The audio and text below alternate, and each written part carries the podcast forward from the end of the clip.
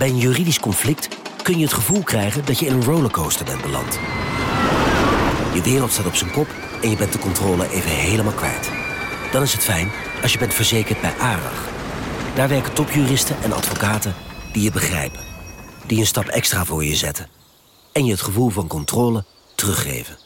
Met kennis en informatie, met heldere uitleg en met gericht advies. ARAG, juridisch probleemoplossers. Wie reist met NS, reist net even anders. Wij reizen groen, zonder moeite te doen. Oh, zo kan je dus ook een dagje weg. En wij werken in stilte. In stilte? Nou ja, met oortjes dan. Oh. Zo gaan we iedere dag vooruit. Wij allemaal. Stap je ook in?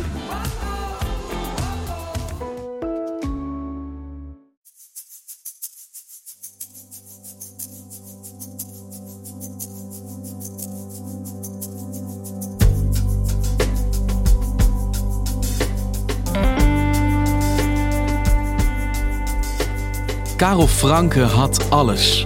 Hij was rijk, te danken aan zijn glazenwasimperium. Genoot met volle teugen van het leven. Altijd te vinden in snelwegdisco de toverfluit. Maar dan zet de aftakeling in. En tegelijk de strijd om zijn geld. Dit is deel 2 van een tweeluik.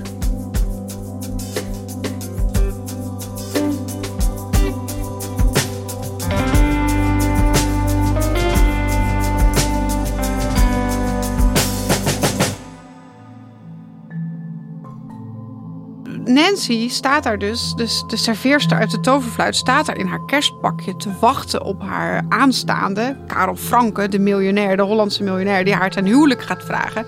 Maar die komt niet die avond in de, de toverfluit in Zoersel. Totdat ze een telefoontje krijgt van achter de bar. Haar Karel, haar peperkoekenhartje, haar snoepje, haar kapitein, die is in een ziekenhuis in Harderwijk beland. Het uh, hele leven van Nancy stort op dat moment in. Had een man, een vermogende man die verliefd op haar was geworden. Ze had een, ze had een plek om te wonen op Curaçao. Er was een boot, er was een royale villa. Er was een leven vol dancings en restaurants. Dat lag in het verschiet. Maar na dat telefoontje blijkt dat haar verloofde ineens uh, vrij afgetakeld in een ziekenhuis in Harderwijk ligt. En dat er in de buurt weer zijn ex is, Christa, die zich op dat moment tegen het ziekenhuispersoneel weer uitgeeft als mevrouw Franken. En wat doet ze op dat moment? Wat ze doet, ze trekt wat anders aan dan haar kerstpakje en stapt in de auto en rijdt s'nachts richting Harderwijk om naar haar verloofde te rijden. Op dat moment ging ik kapot van verdriet. Dit had onze moment moeten zijn. Maar ik heb mezelf bij elkaar geraapt en ben midden in de nacht samen met mijn moeder, die mijn chauffeur moest spelen, want zelf was ik niet in staat een auto te besturen, zijn we naar Harderwijk gereden. Daar was hij opgenomen in de kliniek.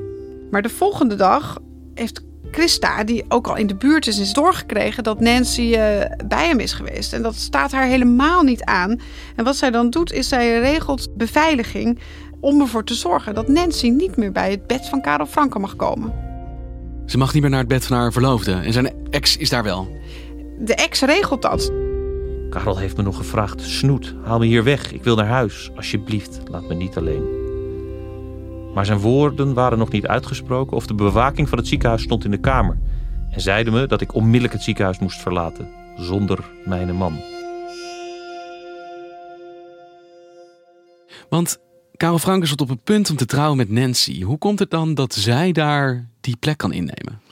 Ja, dat is uh, een goede vraag. En je moet denk ik begrijpen dat Karel Franke is een man die altijd de touwtjes in handen had. Die zijn leven heel strak organiseerde. Precies wist wat hij wilde en daar ook heel rijk mee werd. Dat hij op dat moment, of in die maanden eigenlijk daarvoor al ja, een beetje begon te verkruimelen.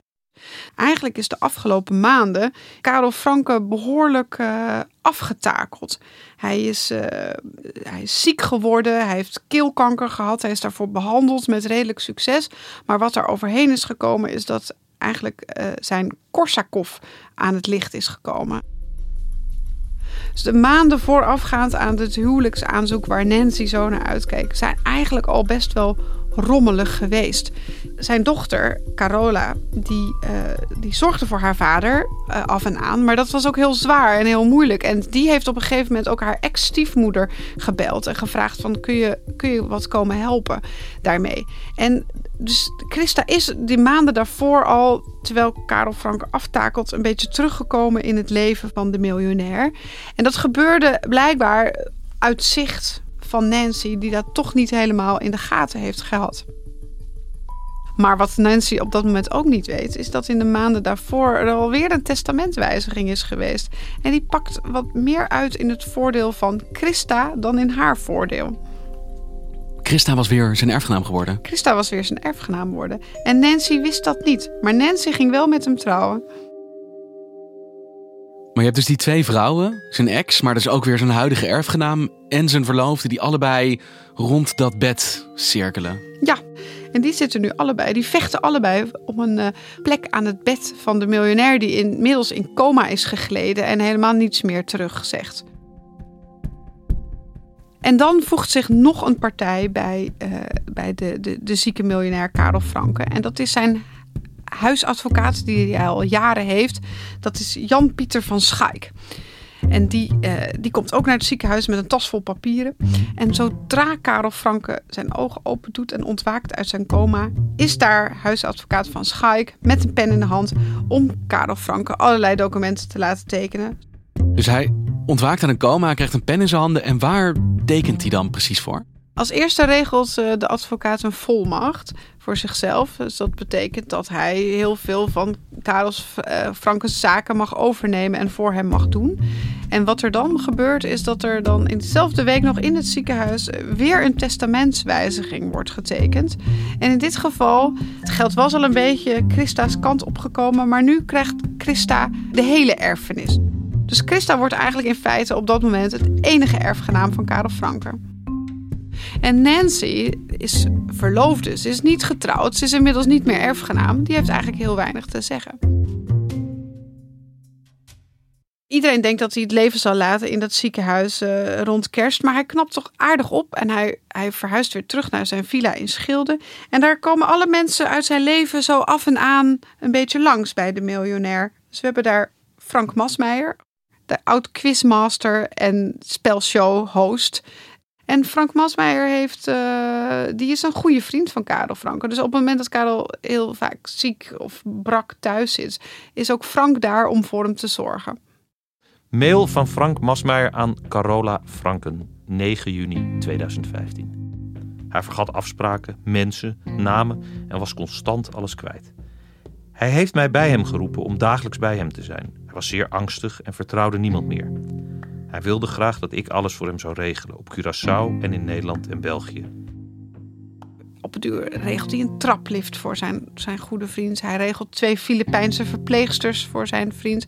En hij regelt ook zakelijk wat dingetjes voor zijn vriend. Een geldtransactie, die, iets wat moet worden overgeboekt. Of uh, nou, spullen die moeten worden opgehaald. Dat is wat Frank Masmeijer dan uh, doet in het leven van Karel Franke.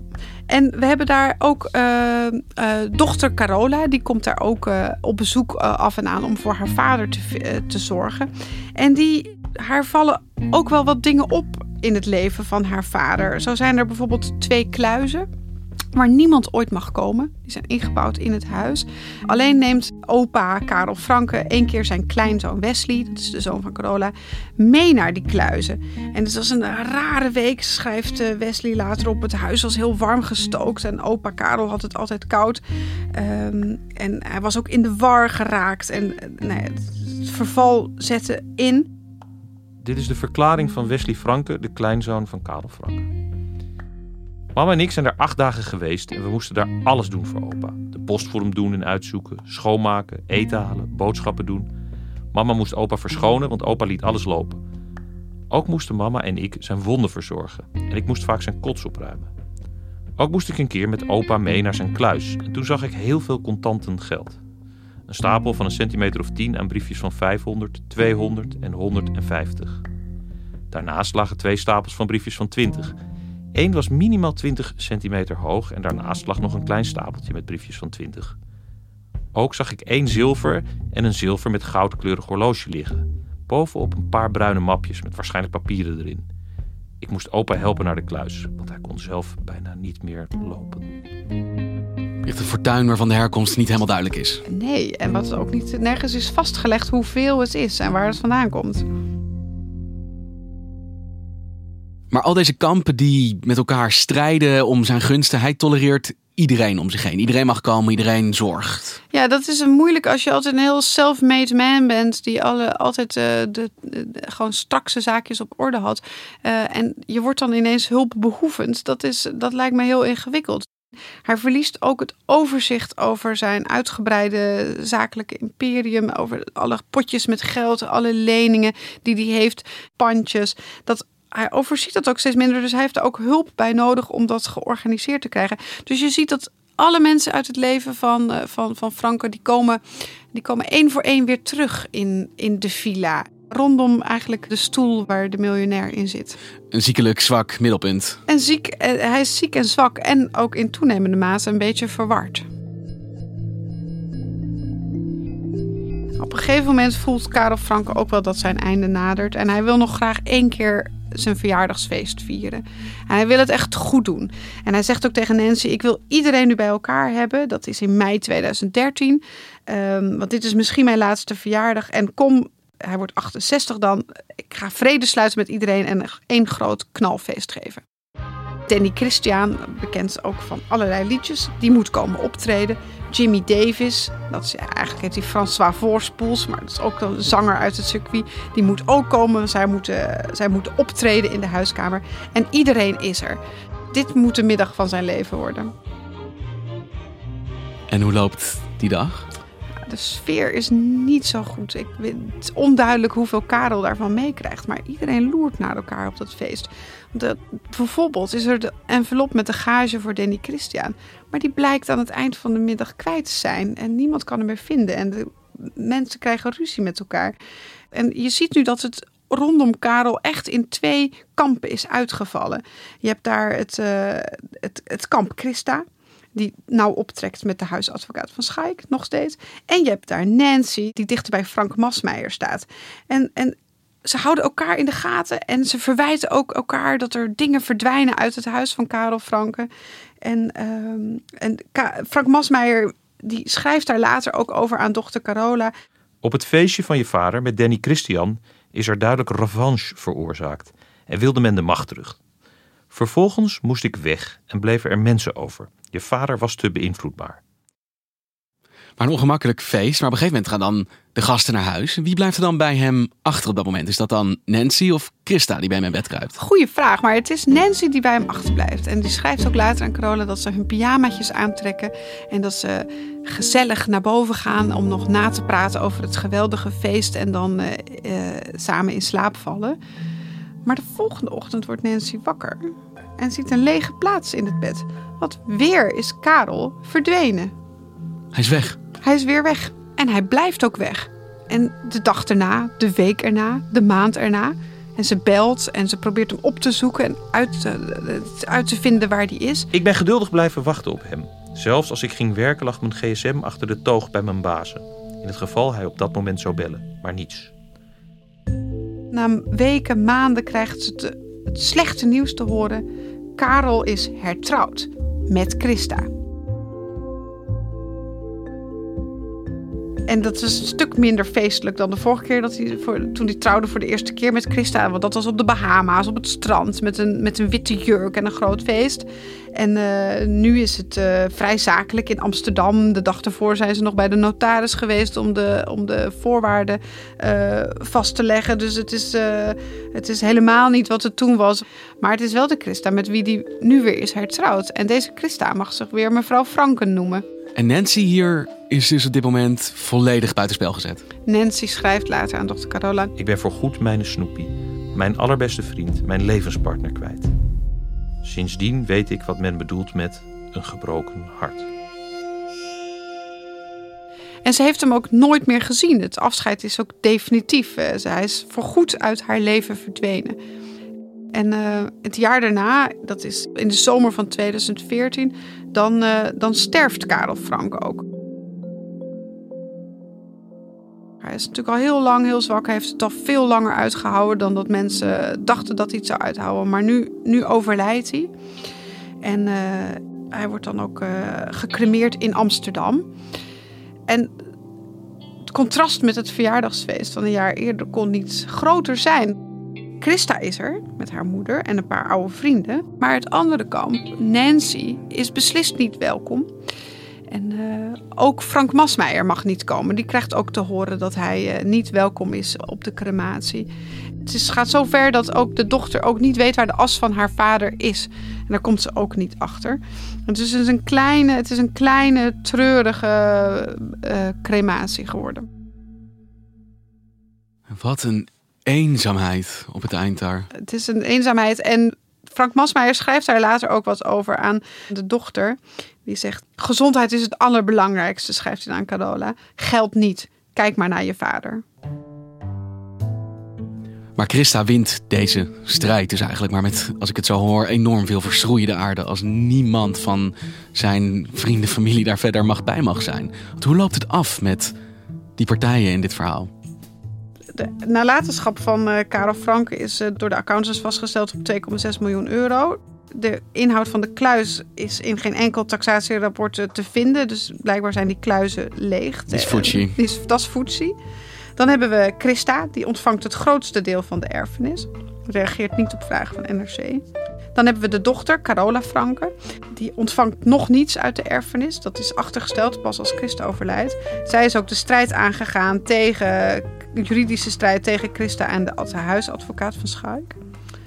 Dan hebben we die huisadvocaat, Jan-Pieter van Schuik, die wil ook niet reageren. Dan hebben we Frank Masmeijer. Die zit in België negen jaar celstraf uit wegens het smokkelen van cocaïne in bananen. Nee. Ja, zeker. Het vonnis meldt nog een tweede feit. En dat is dat hij op 16 mei 2013 32.000 euro heeft laten overmaken van de rekening naar Karel Franke naar een vriend van hem. Die vriend heeft dat geld opgenomen en weer aan Frank Masmeijer gegeven. Volgens de rechter was dat diefstal. Dat heeft Frank Masmeijer altijd ontkend. Maar de rechter heeft hem daar wel toe veroordeeld. En dan hebben we natuurlijk Nancy. Nancy krijgt niets uit de erfenis, maar ze heeft wel weer de liefde gevonden. Ze woont nu op Curaçao met haar tonneke, laat ze weten. En dat is een oude vriend van Karel Franke. Hm. Is misschien toch dat geluk nog gevonden? Zij heeft misschien niet het geld, maar wel de liefde gevonden. Hey, en de toverfluit, de snelwegdiscotheek waar dit allemaal begon, staat die er nog? De toverfluit staat er nog zeker aan de N-weg uh, bij Zoersel. En uh, als je dus daar langs rijdt en je ziet een soort Zwitsers uitziend chalet... waarop maandagavond allemaal senioren mensen staan te swingen op de dansvloer... stop dan onmiddellijk en ga naar binnen. Ja, dus als de horeca straks weer open gaat, dan uh, gaan we daar een kijkje nemen. Moet je daar, dan moet je daar wezen, absoluut. Beloofd. Dankjewel, Carola.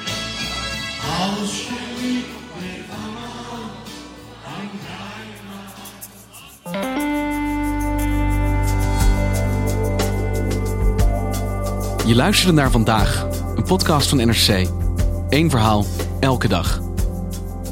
Vandaag wordt gemaakt door Mirjam van Zuidam, Henk Ruigrok van der Werven, Tessa Kolen, Ido Havinga, Julie Blusset, Jan-Paul Ruben Pest, Felicia Alberding, Jeppe van Kesteren en Jennifer Patterson. De muziek die je hoort is van Rufus van Baardwijk. Dit was vandaag, maandag weer.